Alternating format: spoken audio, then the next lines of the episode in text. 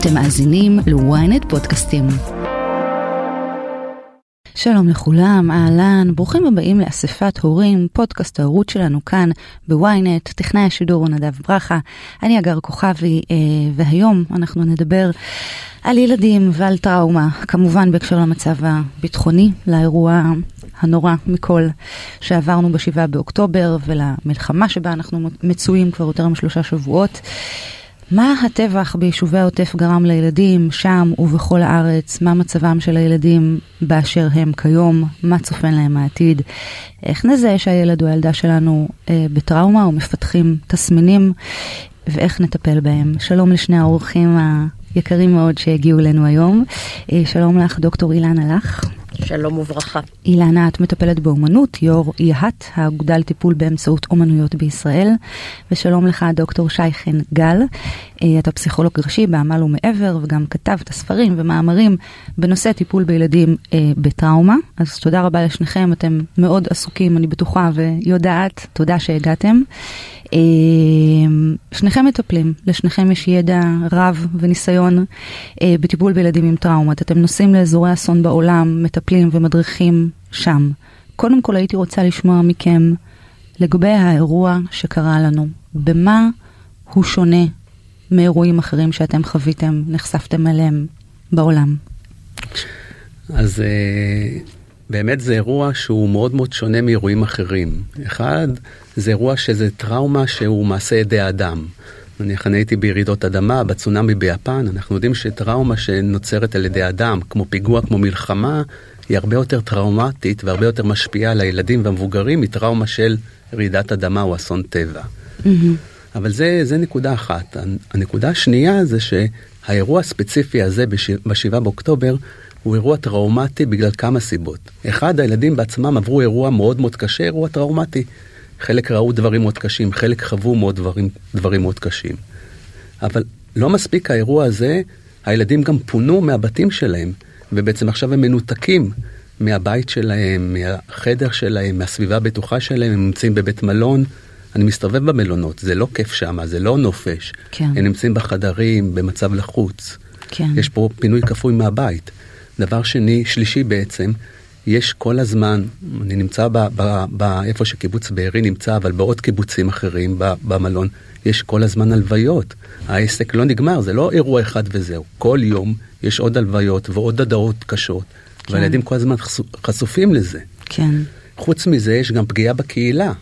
הקיבוץ, הקהילה, הדבר אולי הכי חשוב, בעצם נעקר מהמקום שלו והגיע למקום אחר לגמרי. זאת אומרת, תחשבו mm. קיבוץ עם המרחבים וכל החיים שם, פתאום כולם נמצאים במלון mm-hmm. צפוף אה, וכולי. כן. וכמובן החשיפה לכל התכני שרואים ברשתות החברתיות, הסרטי וידאו הנוראים, כן. כל הדברים האלה. ואולי, ואולי עוד נושא אחד זה הנושא הזה של ה... יש איזשהו, הם בעצם כאילו איבדו את העבר שלהם. תחשבי על הרצף, את מגיעה הביתה, יש לך את הצעצועים שלך, יש לך את המשחקים שלך, יש לך את החדר שלך, יש לך את התמונות שלך. Mm-hmm. הם עזבו חלקם ממש עם החולצה אה, אה, והמכנסיים וזהו. כן. ויש איזשהו ניתוק מאוד גדול. עכשיו, כל אחד מהגורמים האלה זה גורם טריגר לפוסט טראומה התפתחותית. Mm. מה קורה שאנחנו לוקחים את כל הגורמים האלה ביחד, כן. זה כאילו מצב כמעט בלתי אפשרי. אז באמת אני רוצה לדבר על המונחים. אילנה, אולי את תרצי להסביר. אה, חשוב להבין את המונחים, מה זו טראומה, מה זה פוסט טראומה, מה זה פוסט טראומה משנית, תרצי להסביר לנו? אני עוד אלך רגע אחד קודם. כן, כן בטח. אני אגיד שטראומה היא אסונו של חוסר האונים. ככה אמרה ג'ודית לואיס הרמן, שהיא פסיכיאטרית אמריקאית שכתבה הרבה על טראומה. ובעצם המצב הזה של חוסר אונים, זה המצב שאנשים נמצאו בו, ב-7 באוקטובר וחלק גם אחר כך. במקומות שבהם אנחנו יכולים לייצר אקטיביות, במקומות שבהם אנשים יכולים להיות אקטיביים, יש פחות פוסט-טראומה. Mm-hmm. אז טראומה זה האירוע עצמו. כן? טראומה זה האירוע שהוא מסכן חיים, שהוא מאיים על החיים, שגם אה, מאיים על חיים של אנשים קרובים. גם מי שבעצמו לא, אה, לא הייתה לו סכנת חיים, אבל ראה אחרים נפגעים, גם הוא בסכנה של טראומה. Mm-hmm. והפוסט טראומה יכולה להתפתח אחר כך. כרגע אנחנו מדברים בעצם על תגובת טראומה אקוטית. Mm-hmm. אוקיי? אנחנו עוד לא בפוסט טראומה. כן. וצריך לזכור שהאנשים האלה חיים במצבים של טראומה מתמשכת, כי הטילים והאיומים היו שם כל הזמן. כן. אבל טראומה, אפשר להתמודד איתה כל עוד היא לא עוברת מעבר ליכולת שלנו לספוג ולהתמודד. Mm-hmm. כן? אנשים חיים במצבים קשים ו... ומזעזעים הרבה פעמים, אבל ברגע ש... נכנס לכאן חוסר האונים, וברגע שמתחילים להרגיש שזה מעל ומעבר ליכולת ההתמודדות, שם כן. אנחנו באזורים הטראומטיים. הבנתי. אנחנו מדברים עכשיו באמת על הילדים מיישובי הדרום, שבאמת היו ככה קו ראשון לאש, שנחשפו לכל הזוועות הבאמת באמת קשות, אה, שבלתי ניתן לתפוס ולהכיל אותן. אני רוצה לדבר על הילדים בשאר רחבי הארץ. זאת אומרת, כמובן יש את הילדים בצפון שגם הם מפונים, נכון? עשרות אלפי ילדים שמפונים מביתם, אבל, אבל אני רוצה לדבר על כל הילדים. ما, מה לדעתכם קורה כרגע לדור הזה בעקבות האירוע? אני חושב שזה מאוד מאוד תלוי למה ילדים נחשפו.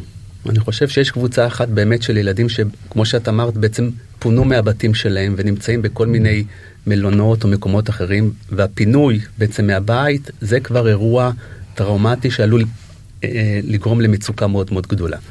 יש ילדים שנחשפו לסרטוני הזוועה, וסרטוני הזוועה אנחנו יודעים שהם בעצמם, גם אם נניח לא ראית כלום ולא שמעת כלום, את רואה את הסרטים האלה, וזה בעצמו מעורר חרדה וסיוטי לילה. וכמובן, כל הסביבה, האזעקות, המלחמה, חוסר הוודאות, כל מה שאנחנו כל הזמן שומעים, אני חושב שהיום יש המון המון ילדים לא מהעוטף ונניח מהדרום, אלא גם מהמרכז וגם מהצפון, שחווים חוויות של חרדה, של חוסר ביטחון.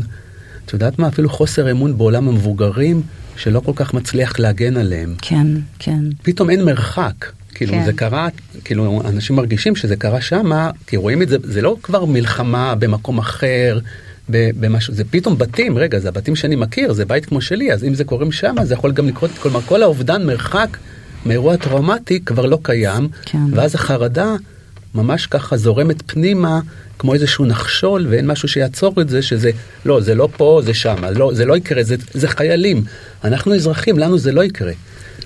בדיוק ממש ככה. ויש פחד קיומי כן. והפחד הקיומי הזה הוא גם כן. מוצדק. כן. אז אה, להגיד לילדים זה לא יקרה, ברור. אני לא יודעת, כי אנחנו באמת לא יודעים כלום. והילדים, כן. הילדים ניזונים מהביטחון של ההורים שלהם. כן. ואיך שההורים מאבדים את זה, אז גם הילדים יכולים לאבד את מה שקרה. כן. אני גם ב... רואה את זה במלונות. כן, אז, אז אני באמת רוצה לשאול, שניכם נמצאים הרבה מאוד uh, זמן עם המפונים, כן, עם, ה, עם אותן uh, משפחות, אותן משפחות שפונו מבתיהן. ספרו לי, מה, מה אתם רואים, מה אתם מרגישים, מה אתם חווים? אה, אנחנו ממש בעמל הקמנו צוות של מטפלים וממש אחרי יומיים שלושה אחרי האירוע של השביעי באוקטובר ירדנו למלונות והתחלנו לטפל בילדים. חלק באמצעות חיבוקי אבל חלק אה, באמצעות ציורים ומשחק וכו'. רגע, הזכרת חיבוקי אז אה, חייבים אה, במשפט אה, לספר מה זה. אז חיבוקי זה בעצם פרויקט אה, מאוד יפה שהתחיל ב-2006 שמבוסס על בובה עצובה.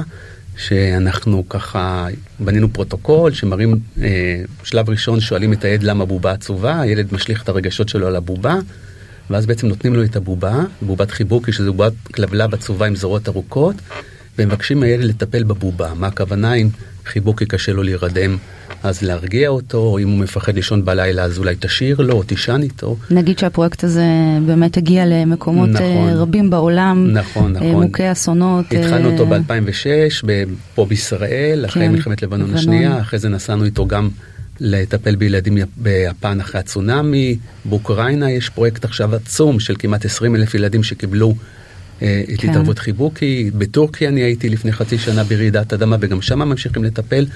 ולצערי חיבוקי עכשיו עושה איזושהי סגירת מעגל כן. עצובה. וחוזר לטפל בילדים. כן, כן. אבל, אבל אני רוצה חוץ מחיבוקי להגיד שאנחנו מסתכלים על הילדים ורואים בעצם שני קצוות. חלק מהילדים אנחנו רואים שבקצה שבעצם מפגין הרבה מאוד היפראקטיביות והרבה מאוד חוסר מנוחה. ילדים שקודם היו רגועים, אבל פתאום יש כל הזמן תזזיות. אבל אני חושב שרוב הילדים שאנחנו ראינו, בטח בשבועיים שלושה הראשונים, אה, סוג של שאט דאון, כאילו נכבו. כאילו התכנסו בתוך עצמם. ילדים שקודם היו חברותיים ועם mm-hmm. חברים ואהבו לשחק, סוג של התכנסות בתוך עצמו. הם מדברים על, ה, על החוויות שהם עברו? הם מדברים בדרכם. Mm-hmm. ככה אנחנו אה, ביד, אנחנו מיד אחרי אה, השביעי באוקטובר פתחנו, אה, היום יש 35 סטודיואים כאלה. וואו. אנחנו קוראים להם סטודיואים בטוחים.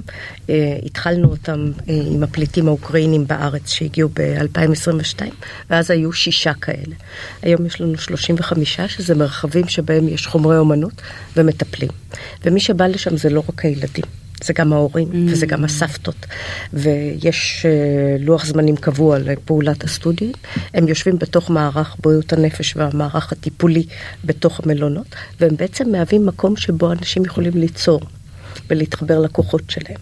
אז הם מדברים, אבל הם מדברים גם במילים, כן. והם הרבה מאוד מדברים באופן סימבולי. הם כן. מציירים, הם בונים נשקים כדי להרוג את החמאסניקים, הם בונים המון בתים.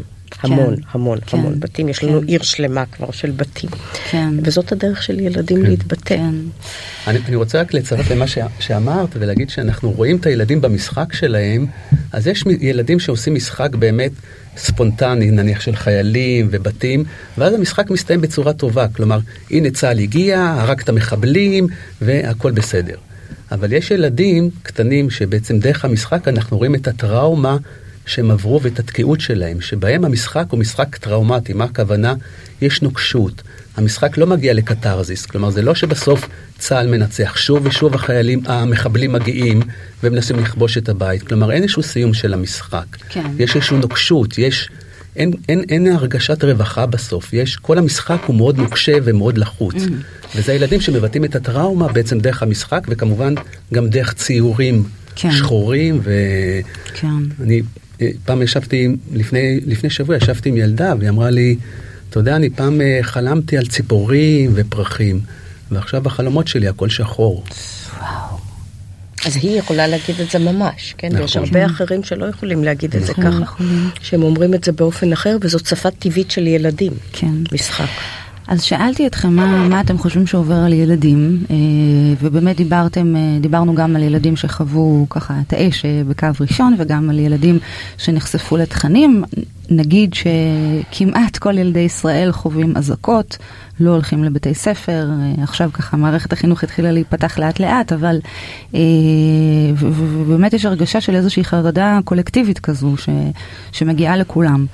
אה, אני אגיד שגם אני, מגיעים אליי הרבה סיפורים של ילדים שמאוד חרדים לילדים אחרים. אני יודעת ככה מהסביבה הקרובה שלי, ש, שהילדים שנמצאים אה, בשבי, או ילדים שאיבדו את הבתים, יש אה, ככה הזדהות מאוד מאוד כואבת של ילדים איתם. אילנה, את הזכרת את ההורים. גם אנחנו בטראומה. בואי נדבר על זה קצת. ההורים מפחדים. כי גם להורים התפרקה כל הוודאות. לכולנו, משהו נורא נורא בסיסי נשבר ביכולת שלנו להיות מוגנים, ביכולת שלנו לסמוך, וזה מה שאנחנו משדרים גם לילדים. Mm-hmm. אז נורא נורא חשוב לחשוב גם מה מדברים עם הילדים ואיך mm-hmm. מדברים עם הילדים, כי להגיד להם הכל בסדר והכל נהדר ואנחנו שומרים עליכם ואתם מוגנים, זה לא בדיוק נכון. Mm-hmm. ואז צריך למצוא את הדרך איך לדבר עם הילדים, על, כן על הסכנות, וכן על החלקים שהם מוגנים, כן. וכן על איפה צריך להיזהר. אנחנו כבר יודעים לומר אמת, נכון, mm-hmm. כמובן, ולא להסתיר, אה, אבל... אני כן. רוצה רק להוסיף כן, למה כן. שאילן אמרה, שאחד הדברים היוצאי דופן של האירוע הזה, זה האכזריות שהדברים נעשו. ואני חושב שהאכזריות שהדברים נעשו, הרבה פעמים מעמידה את ההורים, שנניח באירועים אחרים היו יכולים באמת להעביר את המסר הנכון לילדים ולהיות שם, האכזריות והאימה, להרבה הורים זה גורם ממש משתק. כן. והאירוע הזה, בשביל זה הוא כל כך יוצא דופן וכל כך אולי צריך לכתוב קצת חלק מהתורה מחדש, כי האכזריות והאימה שההורים נחשפו אליהם במעשים המתועבים, הם uh, הרבה פעמים גם הורים שקודם תפקדו ויכלו לתווך, כמו שאילן אמרה, מסרים מאוד טובים לילדים ולהיות שם בשבילם, מרגישים משותקים. האקטיביות היא המוקד פה, כן? כי השיתוק זה כן. התוצאה הקשה של הטראומה. אז בואו נדבר על ביטויים של טראומה, בסדר? אה, חשוב לי גם לדבר על זה בהקשר שלנו, ההורים, המבוגרים. אה, כל אחד חווה את זה אחרת, דיברנו קודם ככה ברמה האישית. אה, אני למשל מאוד משימתית ו- ו- ו- ומתפקדת ככה עם כל התפקידים שיש לי כרגע בחדשות. אני באמת מכירה הורים אחרים שממש נמנעים, לא, לא יוצאים מהבית. הורים אחרים שגם בעשייה בלתי נדלית, אחרים בחרדה. בואו ננסה ככה לאפיין. כן. אז אני חושב שתיארת ככה את הרצף המאוד יפה בין הורים שבאמת משותקים ומכונסים בתוך עצמם ובעצם ניתקו קשרים גם במקומות עבודה וגם עם חברים ולצערי הרבה פעמים גם עם הילדים שלהם או מתוך אימה או מתוך חוסר אונים או מתוך חוסר יכולת להתמודד לבין הורים אחרים שבאמת נמצאים במקום האקטיבי. וכמו שאילנה קודם אמרה באמת החלק האקטיבי הוא החלק שהוא מאוד מאוד חשוב הוא החלק המרפא כלומר התמודדות אקטיבית היא התמודדות שמאוד חשובה לילדים ובטח להורים.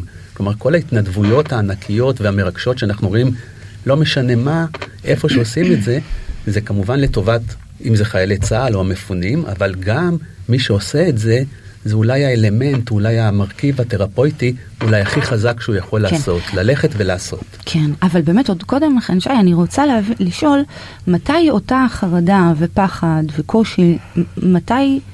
הם כמובן טבעיים, אבל מתי הם גם מסמנים לנו שמשהו פה דורש רגע איזשהו טיפול, איזושהי תשומת לב? זו נקודה נורא חשובה, בגלל שלא כל מי שהיה בתוך האירוע הנוראי הזה יצטרך אחר כך טיפול. יש כוחות אה, ריפוי טבעיים בנפש. ומה שעושים עכשיו, חלק ממה שאנחנו עושים עכשיו, גם מה ששי עושה וגם מה שאנשי טיפול אחרים עושים, זה להפעיל את כוחות הריפוי של הנפש. אז כשבן אדם קופא, כן, אנחנו מכירים את התגובות הטראומטיות. יש לנו את ה fight, יש לנו את ה flight ויש לנו את ה freeze. כן, כשבן אדם קופא זה המקום שבו האנרגיה נשארת תקועה בגוף ואי אפשר לזוז. אם זה יימשך לאורך זמן, זה המקום שבו אנחנו ככה צריכים טיפול. אבל פה אני חושבת שנורא חשוב לחזק את, ה, את הסוכנות של ההורים, את ה agency, את התחושה שלהם שהם יכולים להיות הורים.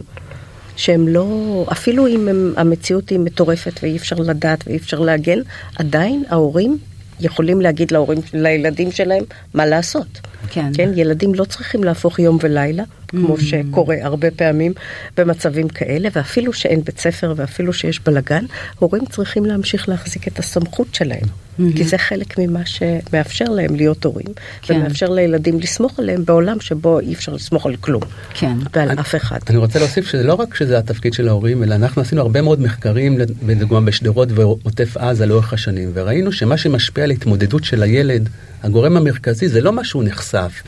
לא הקסאם פגע לו בבית, או אם הוא ראה תקיפה של מחבלים, אלא הגורם המרכזי שמשפיע על ההתמודדות שלו והיכולת שלו, זה העמדה של ההורים. Mm-hmm. כלומר, אם ההורים נמצאים שם ומפגינים ביטחון ורוגע, לא מעלימים את האירוע, כן מתייחסים, כן מדברים, אבל מפגינים שליטה וביטחון, הילד, גם אם הוא נחשף לאירועים מאוד מאוד קשים, יצליח להתגבר ברוב הסיכויים. חשוב. ו- וזה המשתנה הכי מרכזי, אפילו הרבה יותר מאשר למה שהילד נחשף בפועל. כלומר, לא כן. משנה למה הוא נחשף, העמדה של ההורים, בטח אצל ילדים קטנים, עד גיל 10, 11, היא הגורם הקריטי והכי מרכזי שמשפיע על התמודדות של הילד. ופה זה מעודד, מעודד את ההורים, יש להם תפקיד, הם לא פסיביים. כן. הנה. זה חלק מהחוסן. אז בואו ניתן ככה כמה מאפיינים לאותה התנהגות הורית מיטבית במצבים כאלה. דיברת על איזשהו רוגע, שיקול דעת, אילנה, את אמרת לשמור על הסמכויות, לשמור על הגבולות, אה, לשדר ביטחון, נכון? לומר גם אמת. זה משהו ש... להפעיל את הילד, לעשות איתו דברים ביחד, להיות אקטיביים, גם, בטח עזרה למישהו אחר, בטח לעזרה לאנשים שמצוקה, ולא משנה, לא משנה. עושים עוגיות, אה, אה, תורמים, אה, הולכים לבשל. לחיילים. בדיוק, הכל, הכל זה, כל זה זה דברים תרפויטיים למי שעושה כן. את זה, ומאוד מאוד חשוב, בטח אם עושים את זה הורה וילד, זה מקסים. וזה גם מחזק מאוד גם את ההורה וגם את הילד. אבל אני רוצה להוסיף על זה עוד דבר אחד, כי זה נכון מאוד מאוד. אבל גם להורים יש רגשות, כל מיני, ואנחנו לא יכולים להיות חזקים כשאנחנו לא. Hmm. אז נורא נורא חשוב גם לתת לילדים להרגיש את הרגשות שלנו ולהיות איתם בתוך הדבר הזה. כי אם כן. אני, אם יתפרק לי בפנים ואם אני עצובה ואני בוכה ואני מנסה לעשות איזה שריר כזה שהילד לא יראה, הוא ירגיש שאני מזייפת. כן. וילדים מרגישים נכון. הכל. כן, זאת אומרת שכשהילדה שלי באה ואומרת לי, אמא, אני מפחדת, ואני אומרת לה, ממי, גם אני מפחדת. נכון. זה, זו, זו תגובה שהיא נכון. בסדר. ב- בכלל, אוקיי. זה לא בסדר, זו תגובה מאוד חשובה, כי לפעמים מישהו בא ואומר אני מפחד, וההורה אומר אין לך מה לבט- לפחד, בעצם מה הוא עושה? הוא מבטל את. הרגע, את הרגשות של הילדים, וברגע שהוא מבטל את הרגשות של הילדים, נוצר כבר פער ותהום בינו לבין הילד. כן. צריך לתת לגיטימציה לרגשות של הפחד, של החרדה, של החוסר ביטחון, זה רגשות שמשותפים לכולם. זה לא ממוטט את הילד ולא ימוטט אותו אם ההורה ישתף שזה גם רגשות שגם הוא כן, מרגיש. כן. וגם צריך להיזהר מלחשוב שהורים הם אה, סופר אה, הורים. כי גם ככה על ההורים מוטל הרבה מאוד. והורים הם good enough, הם יכולים לעשות מה שהם רוצים, מה שהם יכולים. כל כך חשוב מה שאת אומרת. לא, באמת, בואו נזכור את זה רגע. אה, אז דיברנו על, ה, על, על הטראומה של ההורים ועל הביטויים שלה, בואו נדבר על ביטויי הטראומה של הילדים באשר הם, אה, שוב, מה טבעי ומה כבר דורש איזושהי תשומת לב שלנו בהתנהגות של הילדים. איפה אזורי החרדה הרגילים במרכאות, ומה הם המאפיינים היוצאי דופן. אז אולי נתחיל באמת מהמקום הזה של האקטיביות. אני חושבת שאנחנו מסכימים על המקום בהחלט. הזה כן, שהאקטיביות עולה היא פה- מוקד נורא נורא נורא חשוב שהוא נותן חוסן לטראומה. רגע, אנחנו צריכים uh, לעצור? לא, לא, יש לנו, יש לנו עוד קצת זמן, יש לנו, הכל בסדר. אז עוד מעט האקטיבי- אה, אנחנו נכניס עוד אורח אה, יקר לאיזושהי פינה, עוד כמה דקות. כן, אוקיי, בבקשה אז אילנה. אם, אם אנחנו מדברים על אקטיביות, אז מה שילדים יכולים לעשות ומה שהם יכולים ליצור, ככה הם מספרים את הסיפור שלהם. באמנות זה מאוד ברור, הם בונים. בשביל לבנות משהו, בשביל לצייר משהו, את צריכה להיות אקטיבית. את צריכה לבחור צבע, את צריכה לבחור דף, את צריכה לגזור, זה כבר מגייס את הכוחות. אוקיי? עכשיו, עוד דבר נוסף שאני חושבת שחשוב לשים אליו לב ולא להיבהל ממנו, זה המקום של המשחק הסימבולי. כי ילדים מספרים את העולם שלהם דרך המשחק. וזה שהם עכשיו משחקים במשחקי מלחמה, ומשחקים במשחקים שבהם חיילים מתים וילדים מתים, לא צריך להיבהל מזה. וואו, אילנה, את שוברת כאן קונספציה של הרבה מאוד הורים, כי אפילו לקראת התוכנית הזאת קיבלתי שאלות של הורים שאומרים, באמת הילד שלי כל היום משחק בחיילים ובמלחמה, ו- ואני לא מרשה לו לשחק בזה, אז את אומרת, דווקא להרשות, להרשות. ודווקא להיות חלק מהמשחק. וואו. להיות שותפים למשחק הזה, בגלל שככה הם מספרים את מה שקורה להם בפנים. ואם נחסום את זה, אז הוא יקבור את זה בפנים. ואחר כך זה יצא לו בכל מיני צורות אחרות. הוא בעצם משליך. כן, אני מבינה. הוא בעצם עושה עיבוד של האירוע הטראומטי, שהוא כן. או שהוא חווה או שהוא ראה, דרך המשחק ודרך הציורים. ואם אנחנו נחסום את זה, אז זה דווקא יכול לבוא לידי ביטוי בדרכים שאנחנו לא רוצים, כמו סיוטי לילה, או דברים אחרים. המשחק, אז- זה העולם של הילד, זה אז- השפה שלו. אוקיי, אז זה, דיברנו על אקטיביות ודיברנו על משחקים, אבל אה, אה, הזכרת סיוטי לילה. איזה עוד סימנים של טראומה, של מצוקה, של קושי, אה, אנחנו צריכים לשים לב אליהם בקרב הילדים?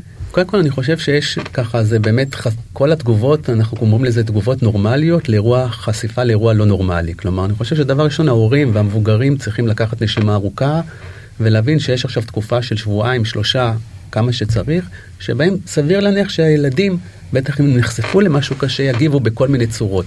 זה יכול להיות הרטבת לילה אנחנו ראינו הפרעות אכילה ילדים שהפסיקו לאכול ילדים שמסתגרים, ילדים שיש להם סיוטי לילה, ילדים שלא מוכנים לעזוב את האימא שלהם וצמודים אליהם, אליה, כי משהו התערער בעולם שלו, אז פתאום הדמויות התקשרות, הם לא יכולים להאחז, כלומר, כל מיני סוגים של חרדות. אני חושב שאם ההורים ייקחו נשימה ויגידו, אוקיי, זו תגובה נורמלית, ואנחנו ניתן לזה את הזמן, ונעזור דרך משחק, דרך ציור, לפעמים אפילו התייעצות עם איש מקצוע, רוב הסימנים הללו יעברו מעצמם. כלומר, לא צריך לרוץ לאנשי טיפול, ולא צריך להגיד, הילד במצוקה, בוא ניקח אותו לפסיכולוג וכולי וכולי. התפקיד של ההורה, ההורה הוא סוג של מגדלור. מה, מה המגדלור עושה? מגדלור לא מאיר את, ה, את הים, המגדלור מאיר את עצמו. ואז הילד מסתכל על ההורה שלו, ואם ההורה מאיר ואומר נכון, נכון שאתה סובל ונכון שאתה במצוקה, זה בסדר, זה תגובה טבעית, הכל יהיה בסדר, אני נמצא פה איתך, ואם יהיה קושי אני מלווה אותך, וזהו, אז זה הדבר הכי חשוב שיכול להרגיע ולהפחית את החרדות של ילדים. כן. ועל זה אני אוסיף גם את התפקיד של הקהילה, כי ההורים הם חלק מקהילה, ואנחנו רואים את זה בצורה שונה בין קהילות שונות שהתפנו.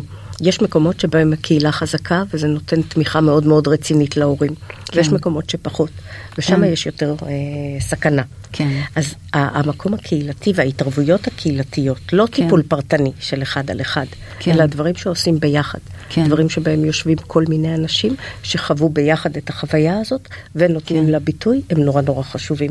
והם ימנעו אחר כך את הפוסט-טראומה. כן. כי שי דיבר על זה שהתגובה עכשיו היא תגובה נורמלית לסיטואציה לא נורמלית. זה מאוד נכון ומדויק. אם זה נמשך חודשים קדימה, אז נכון. אנחנו כן. בהפרעה פוסט-טראומטית. אז, אז זאת אומרת שיש כאן באמת את אה, אלמנט הזמן, לשים לב ועד כמה זה ו- נמשך. וגם אני רוצה להוסיף שאנחנו כן. רואים עכשיו, גם אצל מבוגרים, בטח ב- שניצולו מהטבח, את נושא של ההרגשה של האשמה, Mm. שמרגישים אשמה. למה, למה הם הצליחו להימלט, למה הם הצליחו להינצל ואחרים לא. ו- וגם שומעים את זה, דרך אגב, גם אנשים שלא היו בקיבוצים, אלא אחרים בסביבה. כן. ואני אמרתי לאחד מהם, אה, הפעם האחרונה שאני בדקתי, מי שהיה אחראי על האירוע המחריד הזה זה החמאס ולא אתה. אז בוא נשאיר את האשמה לחמאס, כן. אתה לא צריך להרגיש אשמה, מגיע לך, אה, אם אתה צריך טיפול וכולי, כחלק מרוב תחושת האשמה, אומרים, טוב, אז עכשיו לא מגיע לי לא לקבל טיפול ולא אה, יחס, וכאילו, תחושת האשמה לפעמים ממש משתלטות. כן. צריך לתת לגיטימציה. כן, לתת לגיטימציה. בדיוק, אפילו מקודם ככה דיברנו על זה ש... בהקשר אחר של אני, אני לא האישו, האישו זה הם, נכון. אני לא צריכה טיפול, הם צריכים וכן הלאה. נכון. חשוב מאוד. אה, ממש לקראת אה, פינה מיוחדת שיש לנו באותו נושא, אני רוצה לשאול לדעתכם, מה מכל זה יישאר בנו בהיבטי הטראומה והפוסט-טראומה? מה מזה יישאר עם הילדים שלנו ואיך אנחנו יכולים להשפיע אה, על ההשפעה הפחותה ככל האפשר? אני חושב שזו שאלה שעוד עוד, אה, אין לנו תשובות עליה. כי זה באמת אירוע כל כך מחריד וכל כך קשה וכל כך מקיף. אני חושב שעוד חודשיים, שלושה, אנחנו נראה הרבה מאוד כתבות וקצת מחקרים שידברו על השפעה ארוכת הטווח כן. של האירוע הזה. אני חושב שהאירוע הזה יישאר איתנו להרבה מאוד שנים, גם אצל הילדים שלנו, לטוב ולרע. כלומר, האירוע הוא מחריד, אבל דרך ההתמודדות שלנו איתו, ואני חושב דווקא כל החלק הקהילתי והחלק ההתנדבותי, הוא אולי משהו שמנחם ויכול לחזק. ואז השאלה באמת, אם אנחנו נישאר עוד שלוש, ארבע, חמש, עשר שנים עם החרדה, עם האימה, עם האירוע המזוויע הזה, או גם עם החלק של העשייה, של ההתנדבות, שלא היינו פסיביים, אלא בעצם תרמנו והיינו אקטיביים וסייענו, כל אחד בכוחותיו הדלים, אבל המאוד מאוד חשובים, כי טיפה ועוד טיפה ועוד טיפה ועוד טיפה, אה, בסוף הופכת להיות משהו משמעותי. אז אני אוסיף על זה, כן. כי אני חושבת שזה אירוע מכונן, וזה ייכנס ל-DNA שלנו בתור אה, ברור. קהילה, וככה נבנים מיתוסים. כשאנחנו קוראים מיתוסים של תרבויות שונות, אנחנו רואים שככה נבנים מיתוסים. וזה חלק מהמיתוס של, אה, של המדינה שלנו כן. שייבנה, וחשוב מאוד שבתוך המיתוס הזה יהיה גם שיתוף וגם עבודה קהילתית בין קבוצות שונות בתוך החברה אני שלנו. כל כך מקווה שכך, אה, שכך יהיה. כן, אמרתי לכם שאלה פילוסופית. טוב, אנחנו נעצור אה, ממש לרגע וניפגש עוד דקה.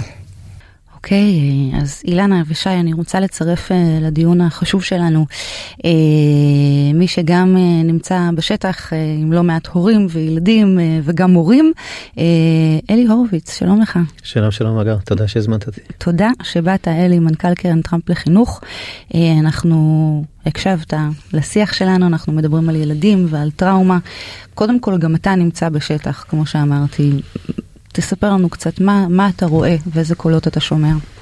אה, לפני הכל הקשבתי לשיחה שניהלתם קודם ואני רוצה להגיד גם לאילנה וגם לשי.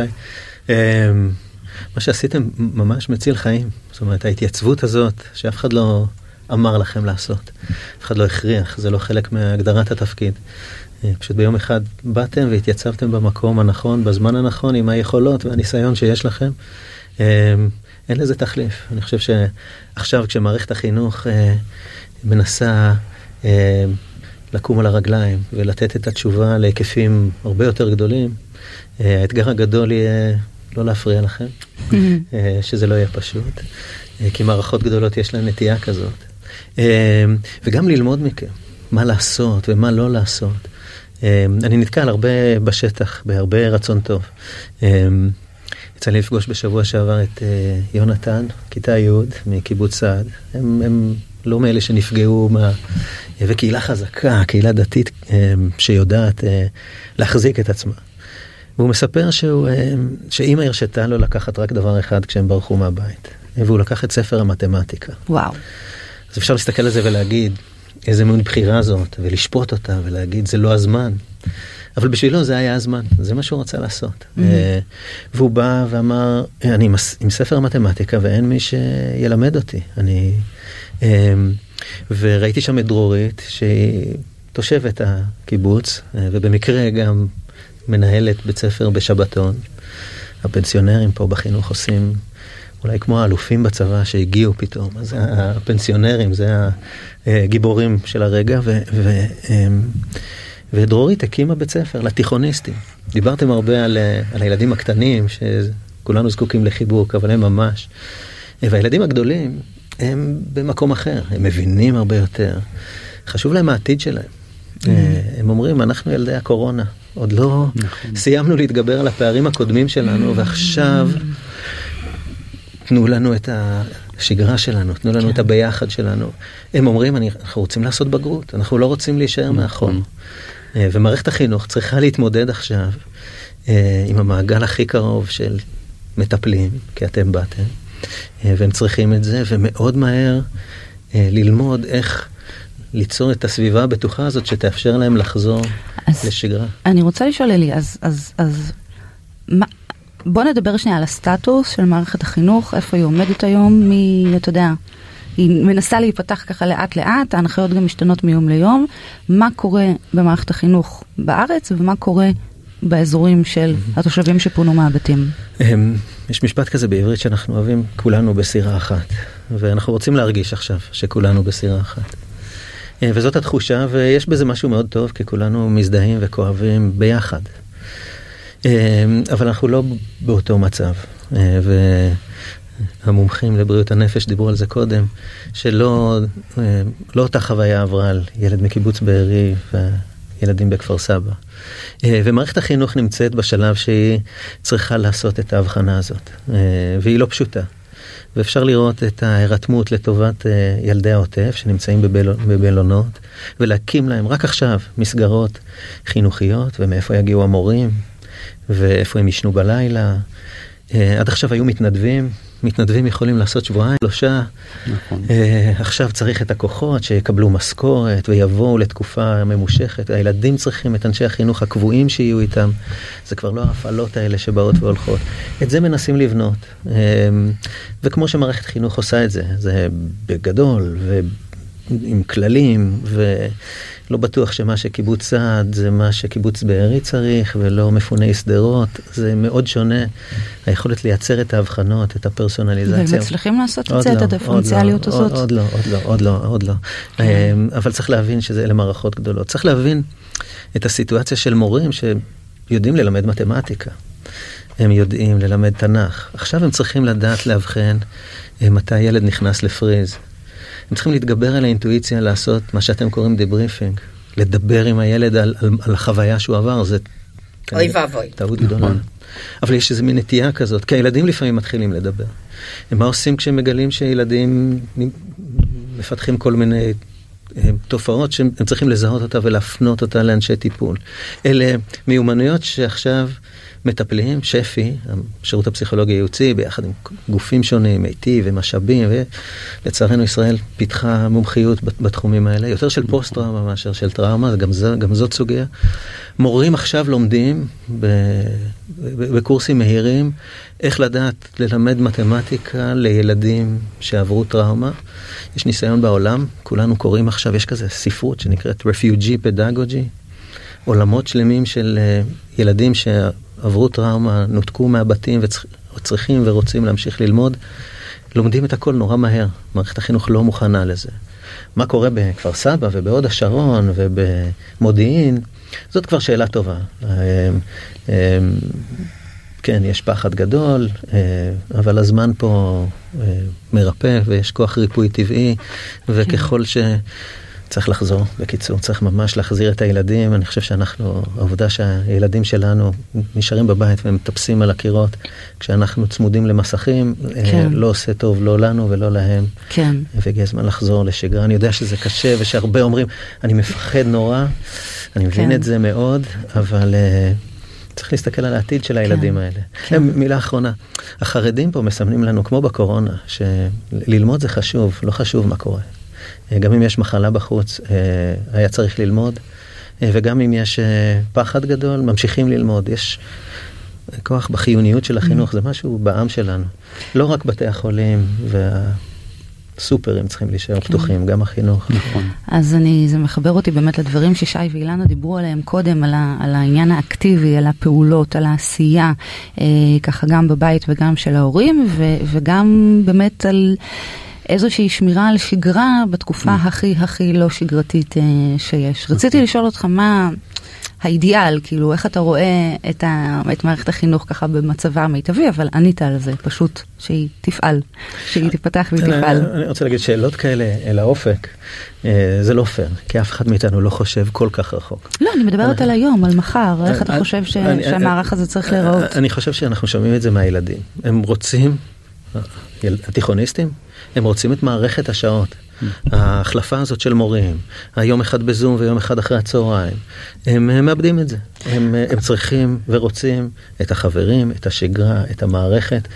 ויש לנו אחריות כמבוגרים לספק להם את זה. כי העתיד שלהם זאת המשימה שלנו, אנחנו מחזיקים בשגרה שלהם. כן. אנחנו אלה שהפרנו להם את השגרה, ויש לנו אחריות להחזיר אותה ומהר. אני רוצה רק להוסיף למה שאלי. אמר, ש, שמסתובבים במלונות, גם בים המלח וגם באילת, רואים שוני מאוד גדול בין מלונות, בין, מק- בין קיבוצים שכן הצליחו להחזיר איכשהו את מערכת החינוך, גנים, א' עד ג', אני חושב שבתיכוניים עוד לא הגיעו, אבל איפה, מקום שיש גנים ובתי ס... וכיתות במשאבים הדלים שיש, האווירה שאת נכנסת היא אחרת לגמרי, אשר מקומות שמערכת החינוך עוד לא הצליחה אפילו גנים לייסד וגם לא כיתות, זה ממש אווירה אחרת של, שאת מרגישה, שאת נכנסת ללובי של המלון, את מיד מרגישה שיש פה משהו אחר. כן, זה כן. קריטי ממש, גם שמה, אבל כמו שלי אמר, בכל הארץ. כן, וגם צריך להפריד בין החינוך המיוחד והחינוך הרגיל. כן, כי החינוך המיוחד יש לו מענים מותאמים, נגיד ב- במערכת החינוך המיוחד, המטפלים באומנויות נותנים את המענה הנפשי. זה מתוקף חוק במדינת ישראל, כן. וזה משהו ייחודי. אבל החינוך הרגיל עכשיו נכנס כולו בעצם למצב שבו צריך מענים נפשיים. כן. אז אני הייתי ממשיכה את מה שאלי אומר, ואומרת למערכות, תמצאו דרך להשתמש במה שיש עכשיו. בדברים, שה, במערכים שהמתנדבים הקימו, הדברים עובדים, והם עובדים טוב. צריך לקחת אותם, לאמץ אותם, ולהפעיל אותם דרך המערכות הגדולות. כן, אני ככה מבינה. תבנה. זאת, אני זאת, רוצה- נקודה, זאת נקודה, סליחה, שאני, היא מאוד חשובה, אילנה אומרת אותה בנימוס ובעדינות, כי, כי היא כזאת, אה, אבל זו נקודה אה, אה, עמוקה. מערכות גדולות, במיוחד אחרי שהן מרגישות אה, את תחושת חוסר האמון מהציבור, על זה שהן לא היו שם כשהן היו צריכות להיות שם. ושבאו אזרחים ועשו את זה במקום, אה, לפעמים המערכת הגדולה אומרת, אה, אה, אולי מרגישות טיפה כן. איום מה- מהיוזמות האזרחיות האלה. ואומרים פה אנשי המקצוע, אנחנו שם, אל, אל, אל תשלחו אותנו עכשיו הביתה, אנחנו מכירים את הילדים, אנחנו אנשי מקצוע. גם כשאתם מגיעים, המערכת הגדולה, משרד החינוך, משרד הרווחה, באים עם התקנות והחוקים והתקציבים והנהלים וה... המערך הגדול הזה שעובד בחזית רחבה, אל, אל, אל תשכחו שאנחנו רואים את ההבחנות בין הילד הזה לילד ההוא, ואנחנו כבר נמצאים שם, תשתמשו בנו, תעזרו בנו, אנחנו, אנחנו פה ביחד, ואנחנו כן. נעזור לכם, כולנו רוצים שם, כן. שהמערכת תיקח אחריות. נכון. אה, אלי, ממש ממש לסיום, אני רוצה שנגיד מילה למורים, אה, למורים שנמצאים בשטח, אה, שהם גם הורים בעצמם, אתה יודע, לילדים קטנים בבית שלא לומדים, או לילדים שעברו חוויות קשות, או לילדים בצבא. אנחנו מדברים לא מעט על המשולש הזה של אה, הורים וילדים ו- ותלמידים. מה שמורים עוברים עכשיו, אה, הוא מה שקורה לעובדים חיוניים במשק. מה שקורה למי שקיבל צו 8 ועכשיו צריך ל- לארוז את החיים, להשאיר אותם מאחור אה, וללכת למשימה לא נודעת. מה שקורה לרופאה ואחות בבית חולים שעכשיו צר- עכשיו צריכים להשאיר מאחור את הילדים הפרטיים וללכת אל השליחות הגדולה. זה לא פשוט לאף אחד. אמ, ומורות ומורים נמצאים שם, וזה מפחיד נורא, וזה, אה, וזה רגע חדש. אנחנו לא רגילים כאנשי חינוך להיות שם אה, במקום החיוני הזה, אנחנו רגילים להיות במקום שמטפלים. בנו לפעמים, ושמתייחסים אלינו, ופתאום אנחנו הכתובת שעכשיו אנחנו צריכים לתת את התשובה. אנחנו המבוגר האחראי, אנחנו אנשי המקצוע, ולא תמיד אנחנו יודעים. כן. זאת אחריות מאוד גדולה של מורים. יש מורים גיבורים, מדהימים, כן. הפנסיונרים, המורים ברשויות המקומיות שעושים עבודה מדהימה. זה חיל חלוץ כזה שצריך אה, ללמוד ממנו, לראות את המודלים שמפתחים. הדברים כן. שמתרחשים עכשיו הם, הם, הם מעוררי השראה, זה סיפורים להרבה שנים קדימה, כן. וצריך להסתכל עליהם אה, ולהבין את הקושי, את ההתמודדות, את האתגר, אבל גם את ההצלחה ואת האחריות והשליחות. אה, הם חלק מאיתנו. כן, אני מבינה. בסדר גמור. חברים יקרים, אנחנו הגענו אה, לסיום הפרק שלנו. אני רוצה מאוד מאוד להודות לכם, לכל אחד ואחת מכם, על ה... כמובן על ההגעה ועל הזמן, אבל גם על התובנות הכל כך משמעותיות שאני בטוחה שיעזרו להרבה מאוד אה, הורים ובתים בכלל בישראל. אז לפי הסדר, תודה אלי הורוביץ, תודה לך אילנה לך ותודה לך שי חן גל, ובאמת אה, נאחל לכולנו ימים טובים ככל האפשר. ביי.